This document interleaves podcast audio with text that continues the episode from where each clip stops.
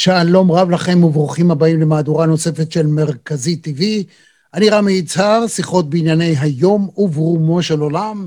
אנחנו בכל מרחבי הפודקאסט, ביוטיוב ובעניין מרכזי כמובן, ואתם uh, מוזמנים לשמוע את האנשים הכי מעניינים, הכי מרתקים, בזמן שמתאים לכם.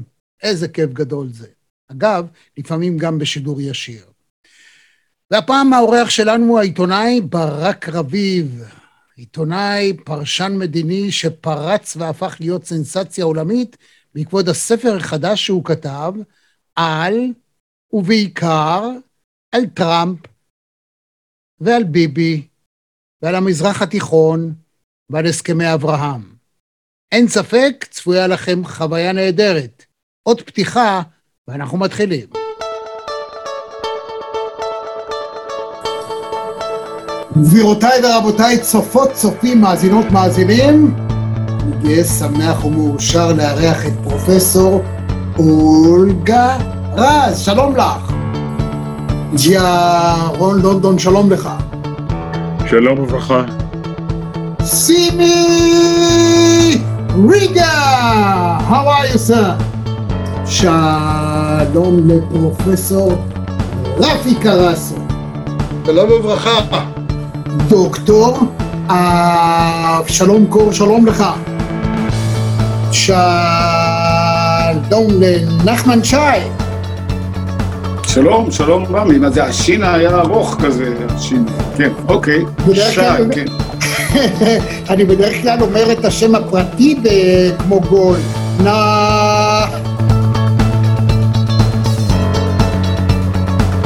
אה, מירם לוין, שלום. שלום, שלום. דוקטור צחי בן ציון. אלון פינקס, שלום.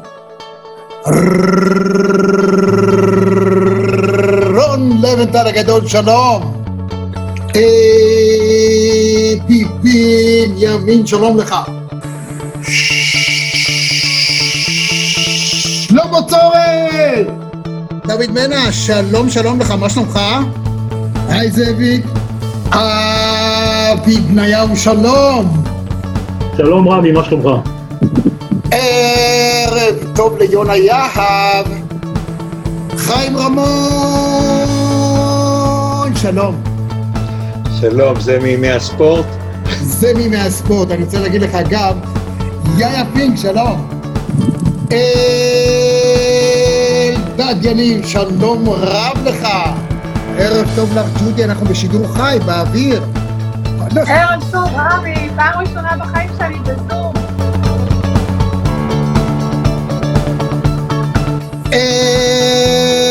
אלי ובנון, שלום לך. רוני רימון, שלום.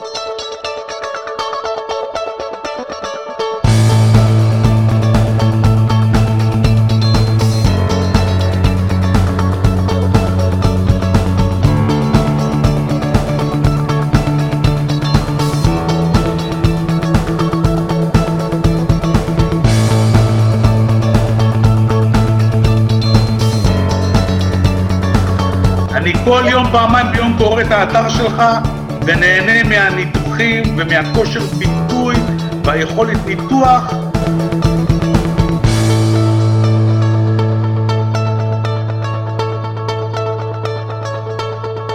יעקב הלפרין, שלום לך.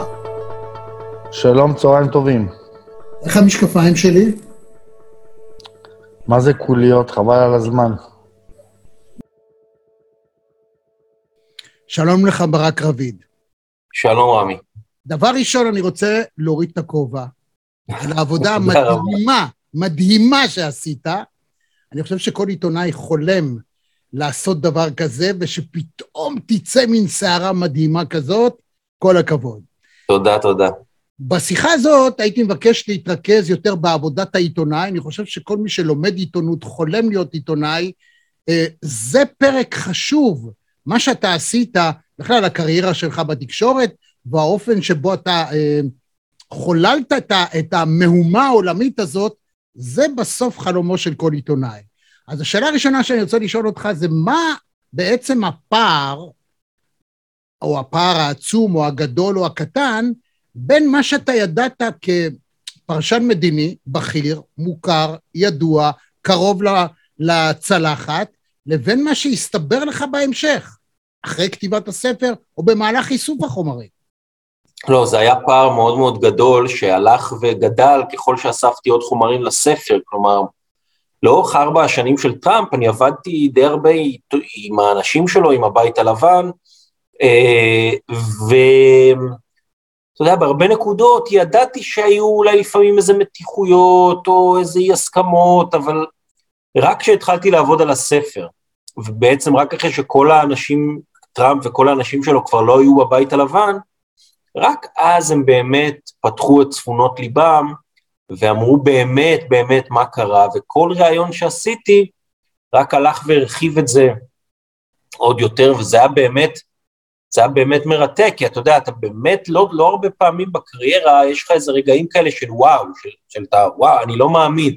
ופה ממש, פעם אחר פעם, נושא אחר נושא, אני הבנתי כמה היה פער גדול בין מה שמציגים לנו כלפי חוץ, הרי בסוף אנחנו העיתונאים, אנחנו רואים חלק קטן מאוד מהתמונה, כן? רוב ההתרחשויות הן לא חשופות לנו.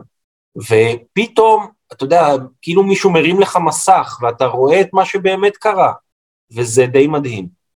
המדהים הוא, אני חושב קודם כל, במידה רבה, ככל שאדם יותר קרוב לצלחת, הוא פחות יודע, או אם כן יודע, הוא מוגבל בלומר. זאת אומרת, ככל שנותנים לך יותר גישה לחומרים, לא חשוב באיזה תחום אתה מסקר, אז בוטחים בך, ואתה בבעיה איך להגיד מה להגיד, ובאיזו מידה לשמש שופר, או שירחיקו אותך בבת אחת, וזה קורה להרבה אנשים. אה, איך אתה, איך, איך, איך עיתונאי יכול לאזן בין הדברים הללו? להיות קרוב לצלחת, לשתוק, אפשר לבטוח בך, מצד שני לא לשקר. תראה, אני, אני חושב שלפחות במערכת היחסים שלי הייתה עם אה, גם אנשי נתניהו וגם אנשי טראמפ, אז שני, שני הצדדים ידעו שבסוף העבודה שלי היא להיות עיתונאי, אני לא, אני לא עובד אצלם, אני לא יועץ שלהם, אני לא איש סוד שלהם, הם אולי, אני מניח שהם סמכו עליי כי הם דיברו איתי, אבל הם ידעו היטב, אני גם אמרתי להם בלא מעט פעמים, שבסוף כשהם מדברים איתי, אז יוצא החוצה בצורת כתבה, או, או לספר זה היה ברור, אבל אני חושב שלספר היה לכולם הרבה יותר נוח לדבר, כי אתה יודע, זה לא איזשהו משהו, שהוא איזה כתבה אחת של 500 מילה, או של 1,000 מילה, או של 2,000 מילה, זה פרויקט שהוא יותר גדול, יותר ארוך טווח, חלק מהאנשים שראיינתי, ראיינתי אותם לפני חצי שנה, לפני שנה, ומבחינתם זה היה, אתה יודע, משהו שהוא גם, אה, הם יכולים להשפיע על תכנים של משהו שהוא יותר, אה, נגיד, ישאיר חותם, או יישאר אחרי, או, או יהיה איזשהו נרטיב היסטורי של התקופה הזאת, ואני חושב שזה נתן להרבה אנשים מוטיבציה ל- ל- לשתף פעולה ולדבר, שזו מוטיבציה שאולי ביום רגיל, כשזה סתם לאיזה כתבה, אז הם אה, פחות רוצים לשתף פעולה. וצריך להגיד שבארצות הברית זה, זה חלק מהתרבות התקשורתית, זה שעיתונאים ופוליטיקאים כותבים ספרים. ושם יוצאים הסקופים, שם יוצא הסיפור האמיתי. כן. בישראל זה פחות, התופעה הזאת פחות מוכרת. אני חושב שפתחת ערוץ מדהים, שכל עיתונאי חייב לא רק לקרוא את הספר, אלא להבין, דווקא מהשיחה מהסוג הזה, איך עושים את זה, איך מייצרים את זה. כי למשל, מה שאתה אומר עכשיו הוא נכון, במובן הזה שבן אדם, א', חלף הזמן, וב', הוא יודע שהוא לא סתם אומר את זה למישהו באוזן, או אמר באיזה אינסרט וזה הלך, אלא זה ספר. אז בנצחיותו של ספר, מאלצת את האדם להיזהר במה שהוא אומר מצד אחד, אבל גם להגיד את האמת שלו. הלא כך. לגמרי, לגמרי. ואני חושב שהרבה מאוד אנשים באמת אמרו את הגרסה שלהם למה, ש, למה שקרה. אגב, היו שלושה אנשים שהצעתי להם להתראיין ולא רצו, זה היה שלושה האנשים היחידים שלא רצו, שזה ראש הממשלה לשעבר בנימין נתניהו, השגריר לשעבר בארצות הברית רון דרמר, וראש המוסד לשעבר יוסי כהן. שלושתם לא רצו לשתף פעולה עם, ה, עם הספר, אני חושב שהם אה, שגו, כי אה, השפעתם על התוכן הייתה אפסית, אבל אני חושב שבין השאר הם, הם גם לא שיתפו פעולה, כי שלושתם בעצמם כותבים ספרים, וכנראה הם לא רצו אה, לשפוך את הסחורה בספר שלי. אה, אתה חושב שזאת הסיבה? אה, אני חושב שזו סיבה, סיבה משמעותית, כן, זאת אני... זאת אומרת, ביבי ידע לפני שהספר יצא מה טראמפ חושב עליו, ולמרות זאת החליט לא להגיב? לא, אני לא, אתה יודע, אני, שוב, אם הוא היה מתראיין, אז מן הסתם הייתי שואל אותו על זה, אבל לא. אני הצעתי לו להתראיין חמש פעמים, כולל שלחתי לו מכתב אישי, הוא לא רצה, הוא גם לא רצה להתראיין אחרי הספר, בסדר, כל אחד עושה את ההחלטות שלו, כן. אה, לדעתי, כמו הרבה טעויות אחרות שלו, גם כאן, טעות ענקית. לא רק בעניין של הספר, אבל uh, כשאתה uh, רואה את האנשים מאחורי, מאחורי הקלעים, עד כמה גדול הפער, או עד כמה המעטפת שעוטפת היום פוליטיקאי בעצם מייצרת סוג של דמות שהיא לא אמיתית? זה, זה, אני חושב שזה תמיד היה נכון, כן? שבסוף הפוליטיקאי שאנחנו רואים בטלוויזיה, או אפילו עיתונאי רואה בשיחה פנים אל פנים, אפילו בשיחת רקע שהיא אוף דה רקורד, זה עדיין לא הסיפור האמיתי. והסיפור האמיתי תמיד מתגלה, או אחרי שאחד היועצים עוזב בפיצוץ, או אה, אחרי כמה שנים כשאותו פוליטיקאי כבר לא אה, מכהן. אה, תמיד, תמיד, תמיד יש דברים שאנחנו לא יודעים. אגב, אני משוכנע שגם עכשיו יש עוד הרבה דברים שאנחנו לא יודעים על מה שהיה פה בארבע השנים האלה של טראמפ, אמ, ואני מניח שאם אני הייתי עובד אה, על התחקיר על הספר עוד חצי שנה, הייתי מגלה עוד הרבה מאוד פרטים. אפשר עוד אחד. אתה אומר, אתה אומר שבעצם שניהם זה לא אליל ולא מפלצת. מה כן? ודאי, ודאי, ודאי. בסוף, תראו, אנחנו... הרבה פעמים מקבלים את ההתרשמות שלנו גם לגבי טראמפ וגם לגבי נתניהו, עכשיו לגבי טראמפ ודאי, אתה יודע, זה בכלל נשיא של מדינה אחרת, אה, אנחנו מקבלים את זה עם כל כך הרבה פילטרים, ונתניהו אה, גם הוא, אתה יודע, כבר אה, אנחנו במצב שיש לו או מעריצים או שונאים, אין שום דבר באמצע, והמעריצים לא מסוגלים לסבול מילת ביקורת עליו, השונאים לא מסוגלים לסבול מילת שבח אחת עליו, וזה מצב שבו, אתה יודע, הפוליטיקאי הופך לסוג של פלקט, כן, ו... והם לא פלקטים, הם בסוף אנשים מאוד מאוד מורכבים, יש בהם דברים טובים, יש בהם דברים רעים, אה, וזה אחד הדברים שהספר הזה לימד אותי, שכשיש לך זמן לעבוד על משהו, הרי היום בקצב, אנחנו בקצב של טוויטר, של ציוצים, אז פתאום כשיש לך זמן לעבוד על משהו שנה, אתה מגיע לעומקים אה, הרבה יותר משמעותיים. אז בתהליך הזה שאתה אוסף עוד ועוד ועוד ועוד חומר, אנחנו כעיתונאים די מיומנים, אני חושב, מרבית העיתונאים, זה מעכשיו לעכשיו, לקחת אה, מידע, אה, לתמצת אותו, לכתוב אותו, איכשהו גם לפרשן אותו, ולהביא אותו כמשהו שהוא חצי לעוס, על מנת לייצר את אותו אה, מסר שאתה רוצה. איך, איך זה קורה ב, ב, בתהליך של כתיבת ספר?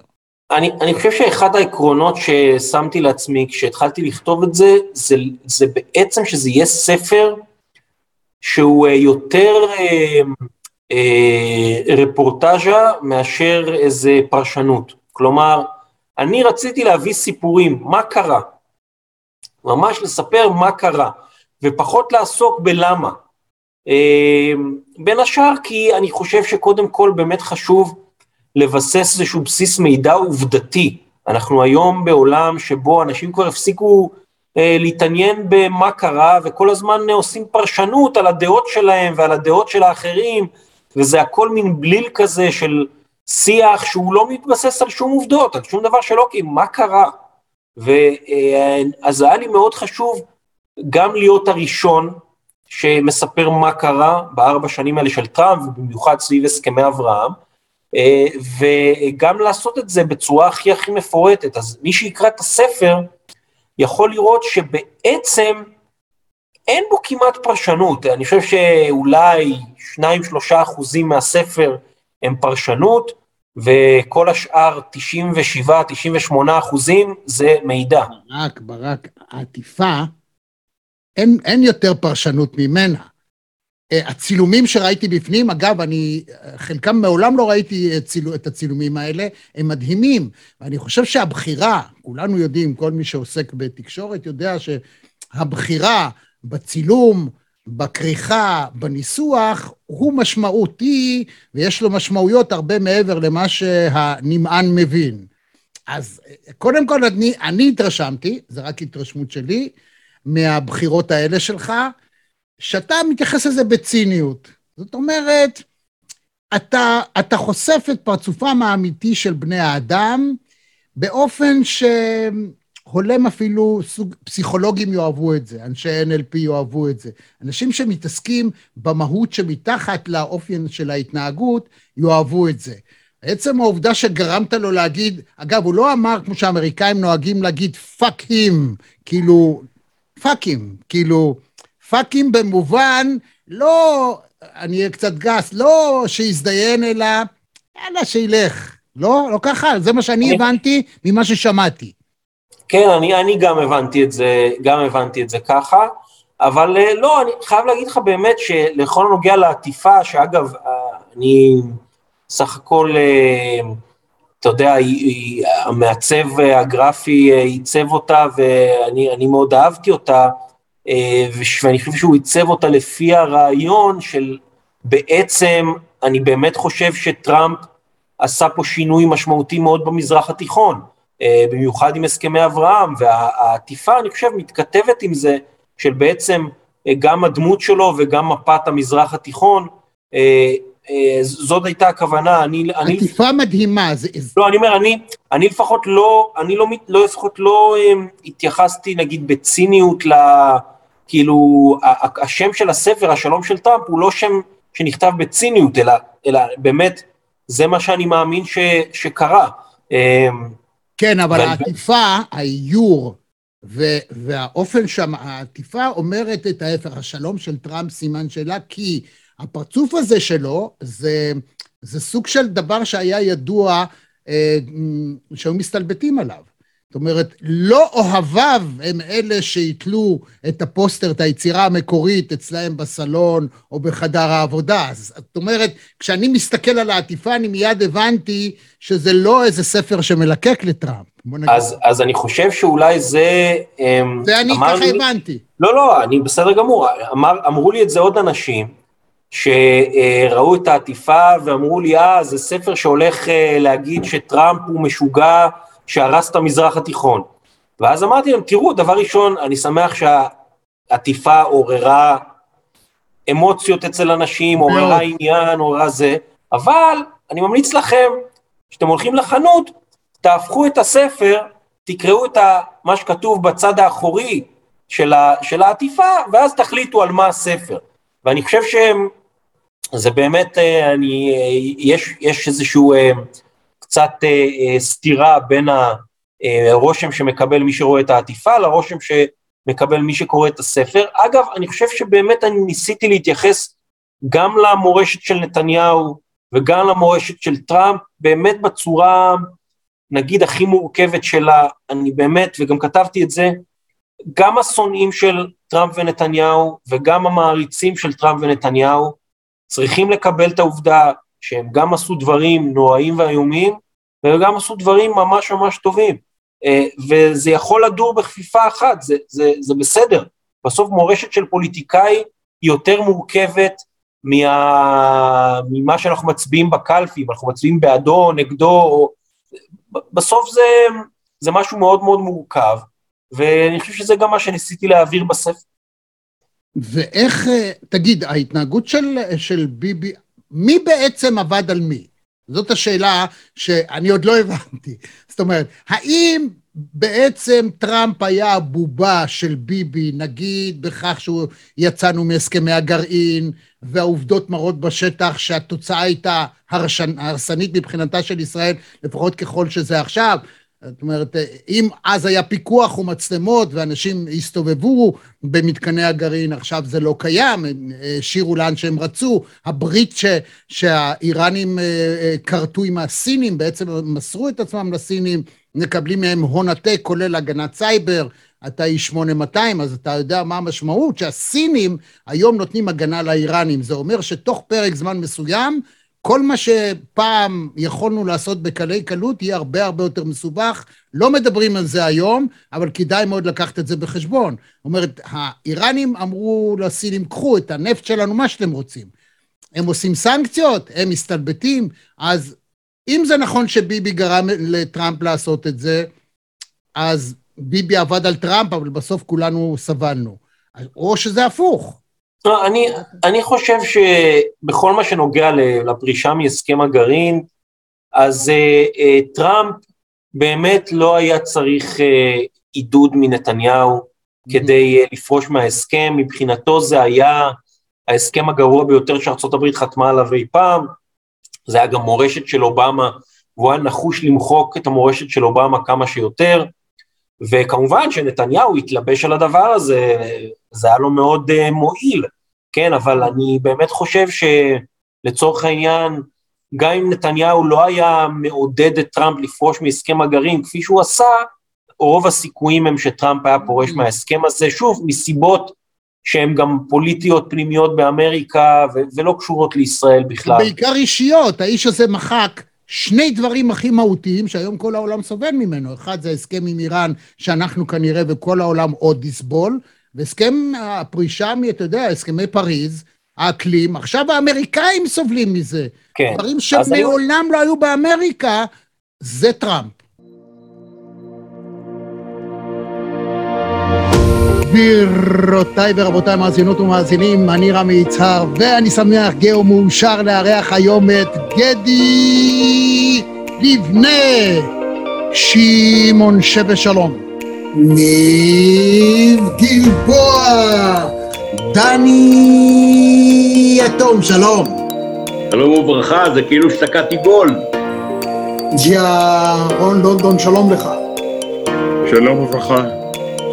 סימי ריגה, how are you sir? שלום לפרופסור רפי קרסי. שלום רב. דוקטור אבשלום קור, שלום לך.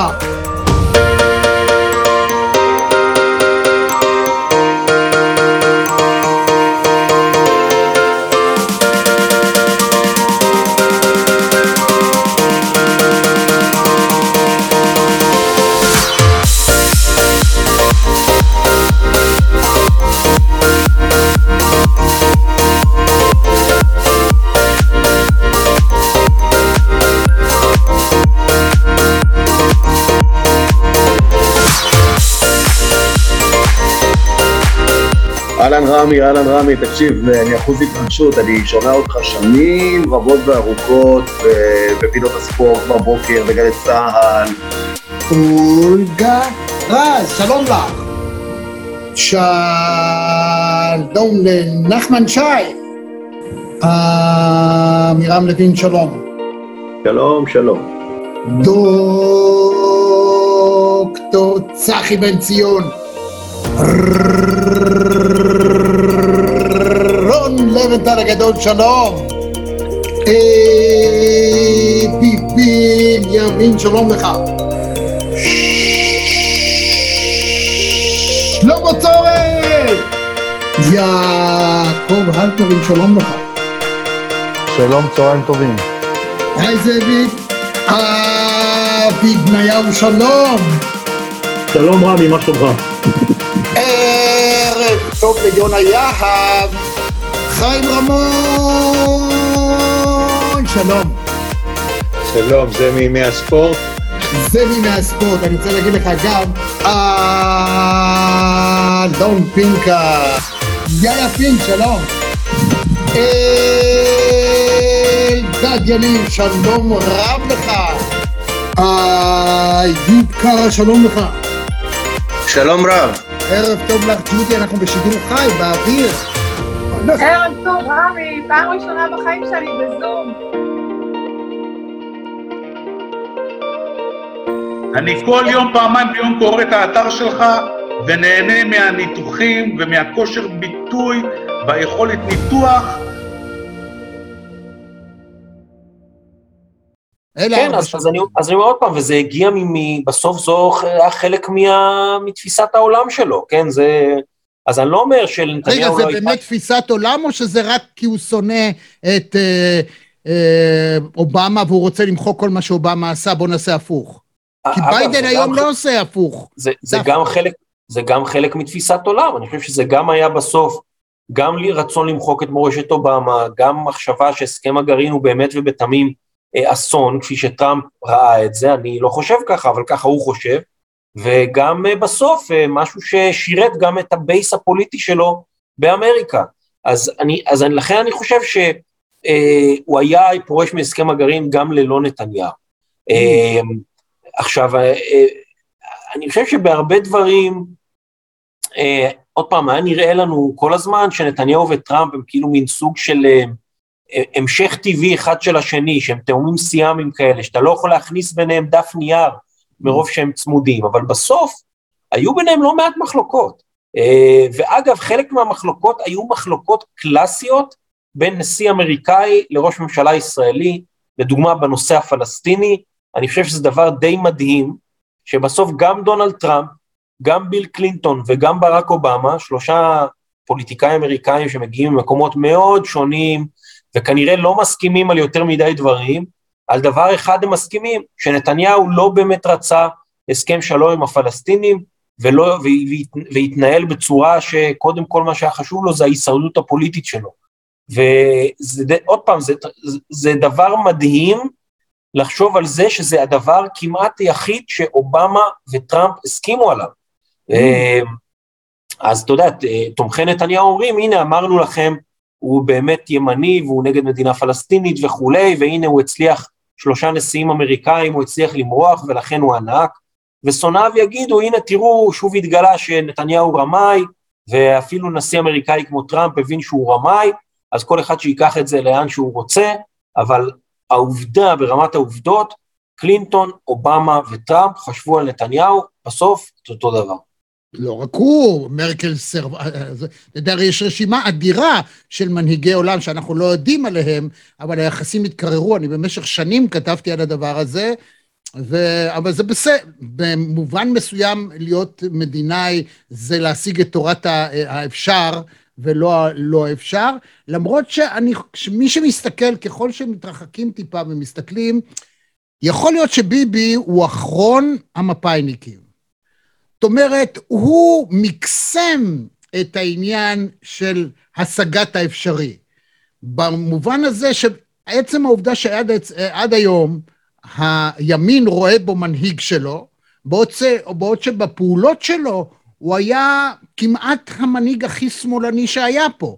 ברק, או כל, בכלל, גולדה, לא לדבר על אחרים, ש... או רבין, שהלכו ולא היססו לפתוח במלחמות וכדומה, העובדה שהוא ממשפחה שכולה מאוד השפיעה על ההתנהלות שלו, והוא באמת אדם שחייו של כל חייל היו מאוד חשובים לו. הוא לא... לא, דבר ראשון, אני אגיד לך, אני חושב שכל ראש ממשלה ישראלי, חייו של כל חייל היו חשובים לו, אבל צריך גם לזכור, אנחנו קצת שוכחים, בתקופת נתניהו היו שלוש מלחמות בעזה, כן? זה לא, זה לא שלא קרה דבר בזמן נתניהו, כן? אני, אני, בסוף... אתה בטוח שזה מלחמה? כאילו... אני, אני עוד פעם, אני...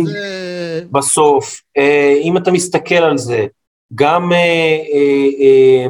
עמוד, עמוד ענן, ואחר כך צוק איתן, ואחר כך שומר חומות, היו האירועים הצבאיים, כן, החמורים ביותר שהיו פה בשנים האלה, ואני חושב שעוד פעם, אירוע שבו אה, נו, נו, אה, יש ירי של מטחי טילים, של 200-250 טילים על, על, על ישראל במטח אחד, ובמשך 11 ימים יש ירי של טילים, ואתה תוקף בעזה, וזה, ונהרגים אנשים, בסוף עוד פעם, אנחנו לא, כבר לא ב-1973, שגייסות של טנקים נלחמים ברמת הגולן, כן? זה כבר, המלחמות לא נראות ככה יותר.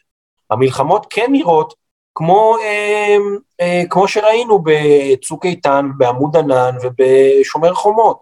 ככה נראות בקטע- המלחמות היום. אתה צודק, אבל בקטע הזה, ביבי הוא מפא"יניק במובן שהימין דרש כל הזמן, כולל בנט הרי, וכל מי מה זה כולל? גם נתניהו עצמו, נתניהו בוא עצמו. ניכנס ונכבוש וזה, הוא לא עשה את זה. זאת אומרת, הוא. תמיד בסוף שם את הברקס. אוקיי, נתניהו עצמו ב-2009, כשהוא הלך לבחירות, הוא הצטלם ליד שדרות ואמר, אנחנו נפיל את שלטון החמאס. ואז במשך 12 שנים הוא חיזק את שלטון החמאס. נכון. אז, אז בסוף, ואגב, אני גם אומר לך עוד פעם, אה, גם נפתלי בנט אמר דבר, כל מיני דברים, והוא עכשיו ראש ממשלה והוא לא עושה אותם, וכך היו גם הרבה ראשי ממשלה אחרים. אה, בסוף, אה, כשאתה מגיע ללשכת ראש הממשלה, יש מגבלות אה, שאתה מכיר, שאתה לא מכיר כשאתה לא שמה, והאחריות עליך היא שונה לגמרי, וזה באמת, זה לא דומה לשום דבר אחר. ולכן אני אומר, בסוף גם נתניהו, אצל נת- נתניהו הלך למלחמות, אני לא חושב שאגב, לפחות שתיים מהן לא היו מחויבות המציאות, הם התרחשו בגלל אה, אה, שגיאות אה, של הממשלה בראשותו, אה, במיוחד שומר חומות, אה, ולכן אני חושב שעוד פעם, לא אי אפשר להסתכל עליו כאיזה מישהו שלא, הוא, אצלו לא קרה כלום. לא, קרו דברים. מחדלים היו, גם אצל גולדה היה המחדל הכי גדול בתולדותינו. אני רק אומר שבסוף הוא מפא"יניק כזה שרוצה שהכל יסתדר. אבל אתה אמרת כאן משפט שהוא הכי חשוב לכל צרכן תקשורת, שבאמת זה לא רק מה, ש, מה שרואים מכאן לא רואים משם, או הפוך, אלא שכולנו כשאנחנו מגבשים דעה, אנחנו חייבים לנסות לראות את יותר, מנעד יותר גדול של אה, אינטרסים מאשר מה שנראה שחור או לבן. והתופעה הזאת, אני חושב שאנשים מהסוג שלך, של פרשנים, זה התפקיד שלנו, זה התפקיד בכלל של עיתונאים, להביא לא רק את העובדה. לכן, אלה שכועסים על זה שהרבה פעמים בתוך המידע, מערבבים מידע עם פרשנות, זה, זה כעס לדעתי לא מוצדק. צריך להבין שכל מה שאומרים, או כל איך שמגדירים, אתה בעצם אומר בזה משהו. אם אתה מחליט שאתה לא רוצה שיהיה שטח מסוים, אתה לא מוכן לקרוא לו אה, יהודה ושומרון, אלא הגדה המערבית, אמרת בזה משהו. זה עדיין אותו שטח, אבל אתה אומר בזה משהו. אז כל אמירה, היא צריכה אבל לכלול הרבה יותר ממה שאנחנו כולנו אה, נועלים אותנו בה. ברור שאם תסתכל רק על הקניונים, אז יש אינטרס כזה וכזה, אבל המבט האחר הוא מבט הרבה יותר משמעותי, לא? איך, איך כפרשן מדיני, עיתונאי, צריך להתמודד עם זה? אה, אני חושב שאתה אתה צודק, למילים שאנחנו משתמשים בהן יש אה, משמעות, אה, וגם אנחנו בסוף בעולם שבו יש ניסיון לדבר גם לפעמים בשפה מכובסת, ודרך המילים לנסות לשנות גם אה, תודעה, זה ברור. אה, אבל בסוף אה, אני כן חושב שהעובדות הן, אה, הן הכי חזקות. אה, ו, ולכן, גם כשאנחנו משתמשים במונחים מסוימים, אה, הרי שוב, לקרוא לה, ליהודה ושומרון הגדה המערבית זו עובדה, וגם לקרוא לגדה המערבית יהודה ושומרון זו עובדה, כן? אין, אין, אין, אין חולק על כך. אבל בסוף, השאלה מה קורה בגדה המערבית. ו, ולכן אני חושב שבסוף הצגת העובדות היא, העובדות וההקשר ש, שבתוכו הן אה, נמצאות, זה מאוד מאוד חשוב. בואו נחזור קצת טיפה לתקשורת. פעם, עיתונאים היו מדברים חופשי עם שרים, עם חברי כנסת, נכנסים לכל מקום. היום שרים, חברי כנסת, אה, ממלאי תפקידים בכירים, מנועים מלדבר, אסור להם לשוחח, הם חייבים לעבור דרך פילטרים, יש להם דף מסרים, מאוד קשה להם להביע אפילו את עצמם, הם חוששים שאתה מקליט אותם. זאת אומרת, הטכנולוגיה אה, עובדת, אני חושב, במידה רבה לטובתו של עיתונאי, אבל גם לרעתו. איך אתה רואה את זה?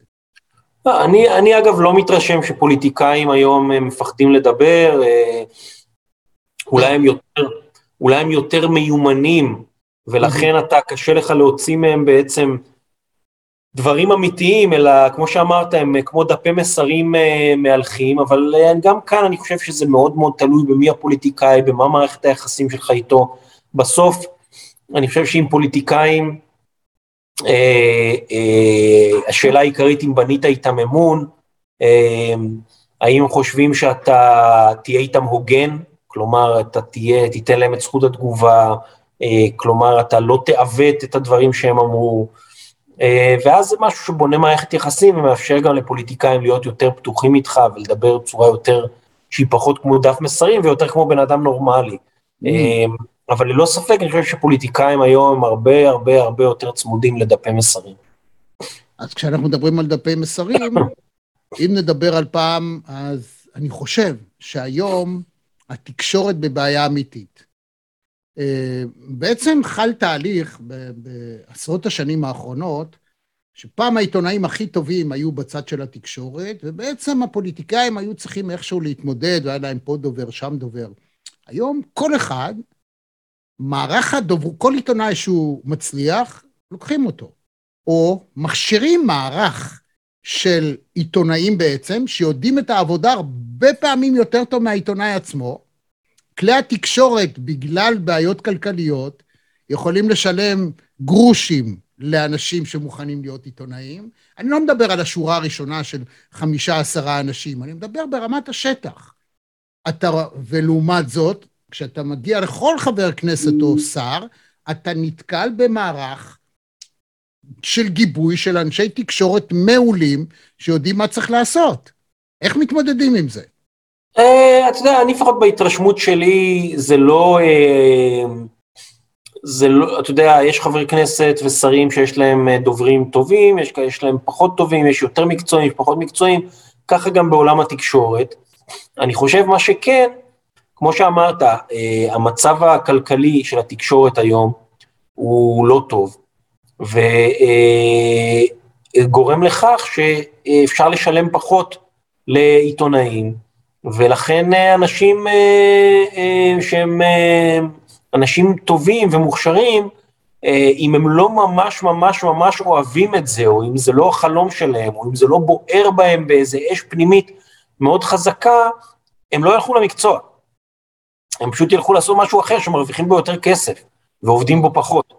בסוף אתה צריך, אני באמת מאמין שבשביל להיות עיתונאי, אתה צריך באמת שזה יבער בך, שזה יעניין אותך, אה, כי אם לא, אז מהר מאוד אתה תשחק, או תשתעמם, או שסתם לא תהנה, כי שוב, אה, אה, מיליונרים לא נהיים מעיתונות, ולכן הרווח העיקרי הוא באמת חוויות שאתה לא תחווה בשום מקום אחר, והרבה מאוד עניין, ולכן מי, ש, מי שרוצה לעבוד בתחום העיתונות חייב שזה באמת יבער בו באיזה בעירה פנימית מאוד חזקה. מה החוויה הכי גדולה שאתה זוכר בתור עיתונאי? אני, אני חושב שבאמת הרעיון עם טראמפ היה החוויה הכי גדולה, אמ, גם אולי ההישג העיתונאי הכי גדול שלי, אבל אה, אתה יודע, היו באמת עוד המון דברים, אתה יודע, אני מנסה לחשוב על זה. המקצוע הזה לקח אותי להרבה מאוד מקומות בעולם, שלא הייתי מגיע אליהם בשום סיטואציה אחרת. באיזה עוד אה, מקצוע הייתי מגיע בגיל 25 לטוס עם ראש הממשלה אז אהוד אולמרט לנאום שלו בקונגרס. אתה יודע, זה חוויות שאתה לא חווה, או, או לארמון האליזה, או לדאונינג 10, או לוועידת אנפוליס ב, ליד וושינגטון, או לוועידת האקלים, או לכנס אה, אה, בקטאר ב-2008 עם ציפי לבני, או... או לרמאללה וליריחו ולקהיר ולרבת עמון ולמרוקו ואיחוד האמירויות ובחריין, זה הכל מקומות שכנראה לא הייתי מגיע אליהם בשום מקצוע אחר, אמ, או כמעט בשום מקצוע אחר. וזה בסוף אה, באמת חוויה, חוויה אדירה, אתה יודע, אני זוכר שנסעתי לסקר את שיחות הגרעין בלוזאן, בשוויץ, אה, וזה באמת היה מדהים, כי נמצאים שם עיתונאים מכל העולם, אה, ומשלחות של האיראנים, של האמריקאים, של צרפת, גרמניה, בריטניה, סין, אה, רוסיה, ואתה יושב שם במלון של השיחות בערב, ויש לך באמת אנשים מכל העולם, ואתה יושב בבר ומזמין איזה בירה, ומתיישב לידך שר החוץ של רוסיה, סרגי לברוב, שהוא כבר מתנדנד מצד לצד, כי הוא כבר שותה איזה שעתיים. אה, אז אתה יודע, זה כל מיני דברים שאתה אומר, באיזה עוד מקצוע אני, אני אחווה את, ה, את החוויה הזאת. אה, או שאתה נוסע להשבעה של נשיא ברזיל בולסונארו ונכנס למסעדה ויושב שם אה, נשיא פרגוואי ואתה יושב לידו ואתם מדברים ומגלים שהמשפחה שלו היא מלבנון, ו... אז אתה יודע, זה, זה המון, המון כאלה דברים קטנים, או שאני זוכר שהיו שיחות הגרעין בווינה, אז הלכתי לי בחזרה בערב למלון ונתקלתי מולי בג'ון קרי, שהיה שר החוץ של ארה"ב, הולך ברחוב עם השני עוזרים שלו, מטייל בערב בווינה, אז אתה יודע, אתה עומד איתו באיזה פינת רחוב ומדברים, ב... אתה יודע, זה אירועים סוריאליסטיים כאלה, שאתה אומר, באיזה עוד מקצוע אפשר היה לחוות חוויות כאלה, ובסוף זה באמת מה שנשאר לך מהמקצוע, כי, כי יכול, אתה לא נהיה עשיר מזה, לא נהיה עשיר אה, חומרית, אבל אתה באמת נהיה עשיר בהמון המון המון חוויות שהן אה, באמת בלתי נשכחות. ו- ומעבר לחוויות, אני חושב שזה מקדם במידה רבה. אני לא יודע אם שמת לב, אבל היום יש לנו ראשי מפלגות שהם עיתונאים, המונים בארץ. יאיר לפיד הוא עיתונאי, אה, הורוביץ הוא עיתונאי, מרב מיכאלי עיתונאית. זאת אומרת, יש המון אנשים שהגיעו מהתקשורת, ומה שאתה צברת, מה שאתה אה, במודע או לא במודע, חודר אל תוכך, בעצם מאפשר לך אחר כך למטב, להיות פוליטיקאי טוב. חשבת, אגב, אתה אישית ללכת לשם? לא, לא, ממש לא. לא. לא. ממש ממש לא. זה לא, לא... טוב, אז עכשיו... אין שום, אין שום תוכנית כזאת. איך משכנעים את טראמפ להתראיין לספר ישראלי? אה, איך משכנעים? אני, אני, זה לא היה מאוד מסובך, אתה יודע, אני, אני פניתי לאנשים שלו, הם ידעו שאני כותב ספר על הסכמי אברהם, ביקשתי ראיון, ואחרי שבוע, שבועיים, הם חזרו אליי עם תשובה חיובית. אני חושב שמה שעודד אותם לעשות את זה, זה העובדה שבעצם הסכמי אברהם הם חלק מהמורשת היותר חיובית של טראמפ. וזה משהו שאני חושב היה להם מאוד חשוב, שהמורשת הזאת תחקק איפשהו בהיסטוריה, ולכן הוא שיתף פעולה עם זה. אני חושב שזאת הייתה הסיבה, וגם, אתה יודע, אני, אני הגעתי לרעיון הזה ממקום יותר נקי, אני לא מעורב בפוליטיקה האמריקאית, אני לא מצביע באמריקה, אני לא משלם מיסים באמריקה. הפוליטיקה האמריקאית מעניינת אותי, אבל אני לא, אין לי איזה מעורבות אה, רגשית בעניין הזה, ואז הגעתי יותר נקי, ואני חושב שזה גם דבר שעודד את טראמפ להיפגש איתי. כן, זאת אומרת, המניע הבסיסי היה להאדיר את שמו במשהו שיחכה כהצלחה שלו, אבל עדיין טראמפ תמיד נשאר טראמפ, ואם אתה יודע למשוך אותו בלשון, הוא בסוף יגיד את הפאקים. אני, אני אומר לך באמת, גם לא, לא היה צורך למשוך אותו בלשון, לא. באמת, אני, אני ישבתי איתו ו... איפה, ו... איפה ישבתם? איפה זה היה בפלורידה? ישבנו ב- בלובי של אחוזתו במר הלאגו בפלורידה, זה היה יום ראשון בצהריים, היה גשם שוטף בחוץ, וישבנו שם בפנים, והיינו באמת לבד, וזה לובי ענקי, מאוד מפואר, ישבנו שם לבד. ואתה יודע, לא היה צריך למשוך אותו בלשון, זה כי בעיקר ראיתי אדם שמאוד מאוד רצה לשפוך החוצה את מה שיש לו לומר, מה שיש לו בבטן, מאוד רצה שמישהו יקשיב לו.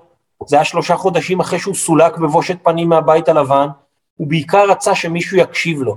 ואני באמת, איך אומרים, אה, ניסיתי רק, אתה יודע, להעלות נושאים לשיחה, ו, וברוב הזמן הוא באמת, הוא פשוט סיפר את אשר על ליבו. זאת אומרת, מספיק שאתה אומר לו, נותן לו נושא, הוא כבר מדבר, אתה לא צריך לשאול שאלות. זה מהסוג כן, של ה... כן. אז זה...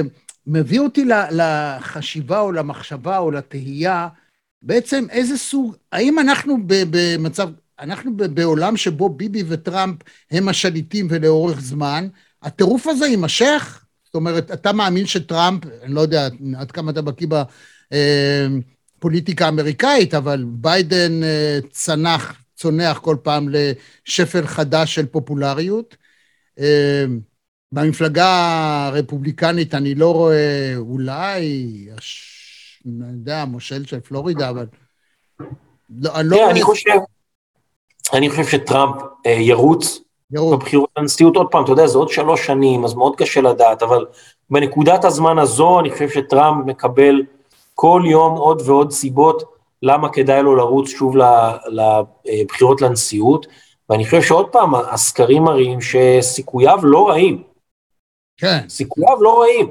אה, אלה יהיו בחירות אה, אה, אה, שבאמת, אתה יודע, באמריקה הבחירות יכולות אה, להתהפך ממדינה אחת שמצביעה, נותנת את האלקטורים שלה למישהו אחד בניגוד למה שהיה בבחירות הקודמות, וזהו, כל תוצאות הבחירות מתחלפות. ואני חושב שהסיכוייו של טראמפ לא רעים, ולכן לדעתי סיכוי גדול שהוא ירוץ. אם הוא ירוץ, אז בהחלט אה, מול נשיא בן 82 תהיה קצת בעיה. יכול מאוד להיות שזה יחזור אלינו, אבל אה, לך תדע, אם כי אני שומע הרבה רפובליקנים שלא... לך תדע מה יקרה. איך אצלנו? מה אתה רואה? עכשיו בוא נעבור לזירה שלנו. ביבי ייעלם, ביבי ילך. תראה, אני, אני לא יודע, אני באמת לא יודע, אני חושב אבל שעוד פעם, צריך לזכור שרוב מה שנתניהו מתעסק איתו בימים אלה, זה המשפט שלו. כן, אנחנו ככה, בגלל שזה כבר באמת נהיה למטיבי לכת, האירוע הזה, אז uh, אנחנו לא תמיד עוקבים uh, לגמרי על כל מה שקורה שם, אבל בסוף uh, נתניהו עסוק בעיקר במשפט שלו. ומצבו שם, בניגוד למה שהוא מנסה לשדר, הוא לא מזהיר. אז, והמשפט הזה יימשך עוד הרבה זמן.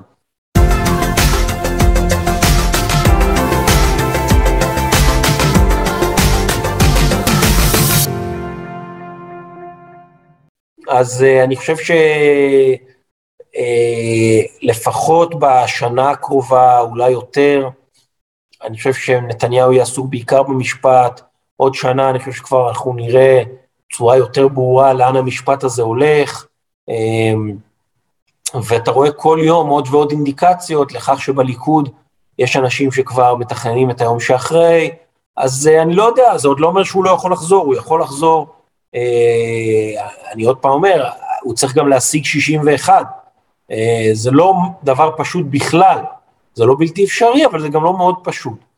אז uh, אני אומר עוד פעם, הוא יכול לחזור, אבל זה יהיה קשה. יכול לחזור ויהיה קשה. זאת אומרת, אתה לא רואה בליכוד אנשים שיגידו, די, נמאסת. בינתיים לא. לא. זה לא. אם כי הסקר האחרון, דווקא של, אה, של 103, ומעריב, וגם וואלה, זה אותו בעל הבית, אה, מראה תמונה מדהימה. זאת אומרת, הסקר הזה מראה בעצם שאם ניר ברקת מחר הוא ראש ממשלה, אפילו אם ישראל כץ, הליכוד חוזר לשלטון, בעוד שלביבי יש אנשים שמה שלא יהיה לא ילכו איתו. נכון, אבל עוד צריך לזכור, בסוף הליכוד בחר את נתניהו לעמוד בראשו. ואם מחר יש פריימריז לראשות הליכוד, נתניהו מנצח בהם. אני אפילו לא בטוח שניר ברקת מתמודד. עד כדי כך. כן, ולכן, אתה יודע, זה...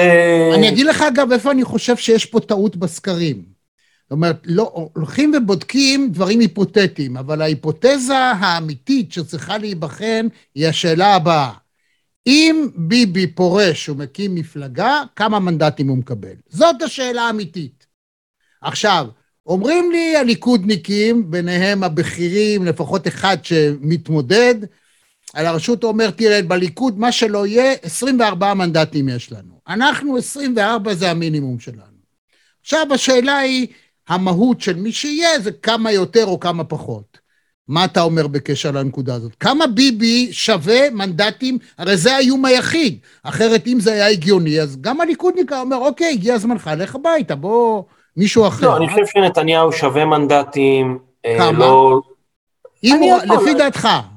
אני לא יודע, אני באמת לא יודע, אני חושב אבל שבלעדיו הליכוד, אה, עוד פעם, זו האירוניה, איתו הליכוד לא מצליח להרכיב ממשלה, כי אף אחד לא מוכן לשבת איתו. נכון. בלעדיו, הליכוד מצליח להרכיב ממשלה, אבל במצב שבו הליכוד יותר חלש. אה, אני חושב שעוד פעם, נתניהו שווה לליכוד. השאלה אם החולשה היא תקופת מעבר, ואז הוא יחזור להיות, או שהליכוד יתפורר, כי בדרך הזאת הוא יתפורר כמו שהמפא"י אני לא יודע. ומפלגת העבודה יתפוררו, לא? תראה, מאוד קשה לדעת, אני חושב שבסוף אה, אה, הליכוד ביום שאחרי נתניהו, אין שם איזה מנהיג אה, מאוד ברור ובלתי מעורער, שברור שהוא היורש, או כל מיני דברים כאלה, הרי תהיה התמודדות, יתמודד ניר ברקת, יתמודד יולי אדלשטיין, יתמודד גלעד ארדן, יתמודד ישראל כץ, זו תהיה מלחמת קול בקול, שאני לא יודע עוד מה היא תעשה למפלגה הזאת. אה, וגם, אני אומר עוד פעם, בסוף נתניהו הוא קמפיינר מעולה. קמפיינר מעולה ופוליטיקאי מעולה.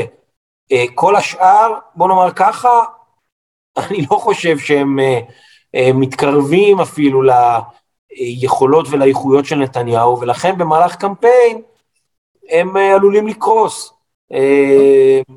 ו... אני מחכה אבל לסקר שיגיד כמה שווה ביבי. כי זה ייתן, ייתן תמונה אמיתית. כמה הוא שווה במנדטים, אם זה היום? אם הם אומרים שהליכוד בראשות אה, ניר ברקת זה 29 מנדטים, אז כמה שווה ביבי אם הוא הולך? נתניהו בסקרים מביא 33-34 מנדטים. נכון. אבל אני לא חושב שזה... אז הארבעה האלה הלכו, איך הם התפזרו? אחד הלך לגנץ, אחד הלך לליברמן, אחד הלך לדרעי, לש"ס, ואחד הלך לבנט. לא, לסמוטריץ'. סמוטריץ' אני, לא, אני לוקח, אה, אתה יודע מה, גם בנט קיבל עוד אחד. אז שש, זאת אומרת, אם ביבי אז זה שש, ואם לא ביבי אז זה שבע. אז לא חשוב, אבל זה לא שהליכוד מתפורר. מה אתה אה, אומר כן, על זה? כן. מה הפרשנות שלך לזה? כשאני מסתכל על ההבדלים, כי זה בעיניי מאוד משמעותי. אני אומר עוד פעם, אני לא חושב שיש הרבה, אה, שצריך יותר מדי לעשות הרי הרים של פרשנויות על סקר אחד, ועוד פעם, המפה הפוליטית להערכתי בבחירות הבאות תהיה שונה מאוד מזאת שיש עכשיו, מפלגות יתפרקו, מפלגות יתאחדו, אה, יהיו שחקנים נוספים, אז באמת קשה, קשה לדעת. טוב, אז אה, לפני שניפרד ככה, הסיכום שלך לגבי הספר, עד כמה זה קשה? כמה... אה, האם צפית בכלל הצלחה מדהימה כזאת? אה, אני עוד פעם, אתה יודע, ההצלחה היא בינתיים בעיקר בבאז שהספר יצר, בעניין שהוא יצר בעניין התקשורתי, בסיקור הגדול שהיה לו, אבל ההצלחה האמיתית, אתה יודע, נמדדת בסוף בכמה אנשים אומרים, וואו, זה מעניין אותי, אני הולך לחנות ומוציא על זה 70 אה, או 80 שקלים וקונה את הספר. אז זה, זה אנחנו נדע רק עוד כמה חודשים, כי אה, דברים כאלה הם באמת נמדדים לאורך זמן. אני מאוד מקווה שכל מי שצופה בנו עכשיו גם ילך וירכוש את, ה, את הספר, אה, ומי שגם רוצה שאני אכתוב לו הקדשה, יכול להזמין את הספר באתר של ידיעות ספרים, ושם גם לכתוב בטופס ההזמנה שהוא רוצה הקדשה, ואני אשמח, זה, זה אגב, כיף נורא לכתוב הקדשות לאנשים, כי אתה רואה מאיפה הבן אדם מגיע בארץ, והוא לפעמים כותב לך קצת על עצמו, וזה מאוד מעניין לראות מי האנשים שקונים את הספרים. אה, לכן אני גם שמח לשבת, אתמול ישבתי, חתמתי על 150 ספרים, זה היה ממש ממש כיף. ראיתי צילום שהעלית על זה, פשוט תענוג, זה משהו... זה היה ממש כיף, ואתה יודע, אני גם באמת חושב שהספר הזה, הוא מצד אחד מדבר על ההיסטוריה, על מה קרה, אבל הוא גם מדבר על מה קורה... בוא תראה אותו רגע, אנחנו לא הראינו אותו, וחשוב שיראו אותו. זה, זה הספר, השלום של טראמפ. וואו. אפשר למצוא גם בכל החנויות. ו- ויש, אתה יודע, הספר הזה הוא גם על ההיסטוריה, אבל הוא גם על ההווה של החיים שלנו כאן, כי הסכמי אברהם הם עוד חיים ובועטים, וגם על העתיד, כי בעצם הספר הזה מספר לנו איך ייראו החיים של הילדים שלנו. שאם לנו אבו דאבי ודובאי ומרוקו ובחריין, זה הכל היה מקומות רחוקים שלא חשבנו שרגלינו תדרוך בהם אי פעם, עבור הילדים שלנו זה כבר יהיה מובן מאליו. כלומר, אין, אין, זה בכלל לא יהיה משהו שהוא אה, מוזר או מיוחד. אה, אתה לא רואה מצב שזה יכול להתהפך ברגע? אני לא חושב. לא. אני, עוד פעם, אתה יודע, תמיד יש תרחישי קיצון, אבל אני באמת חושב שעבור המדינות האלה זה היה מהלך אסטרטגי, שהם לא ייסוגו ממנו כל כך בקלות. אה, בין השאר הוא גם מניב להם רווחים גדולים, ולכן אני אומר, זה דבר ששינה את האזור וגם משנה את החיים של הילדים שלנו. ברק רביד, מי ייתן וירבו אנשים מהסוג שלך, עיתונאים. תודה, רמי. עושים עבודה נהדרת, וגם אחר כך נותנים את הזמן שלהם בשביל דבר... אה, זה מוצר ש, שכל עיתונאי באמת, באמת, באמת צריך לפרגן לעיתונאי אחר שמגיע להישג כזה. באמת תודה רבה לך. תודה, רמי, להתראות. ועד כאן מהדורה נוספת של מרכזי TV, תודה רבה לברק רביד, תודה רבה לכם שהייתם איתנו, אם אהבתם תעשו לייק, אם בא לכם אפילו תלחצו על הפעמון, תקבלו התראה על הריאיון הבא שלנו. אנחנו כאן איתכם ולמענכם, בכל מרחבי הפודקאסט, ביוטיוב ובעניין מרכזי, פשוט לכתוב מרכזי TV, אתם יכולים לכתוב את זה באנגלית, מרכזי TV במילה אחת, תמצאו אותנו, תיגשו, תהיו, תאהבו, תפיצו. סך הכל הכל נעשה למענכם. אז עד לפעם הבאה, עד למפגש הבא, להתראות. עד כאן מהדורה נוספת של מרכזי TV. אם היה לכם כיף, אם נהניתם, אנא לחצו לייק וגם על הפעמון כדי לקבל רמז על המפגש הבא שלנו. אני רמי יצהר, להתראות.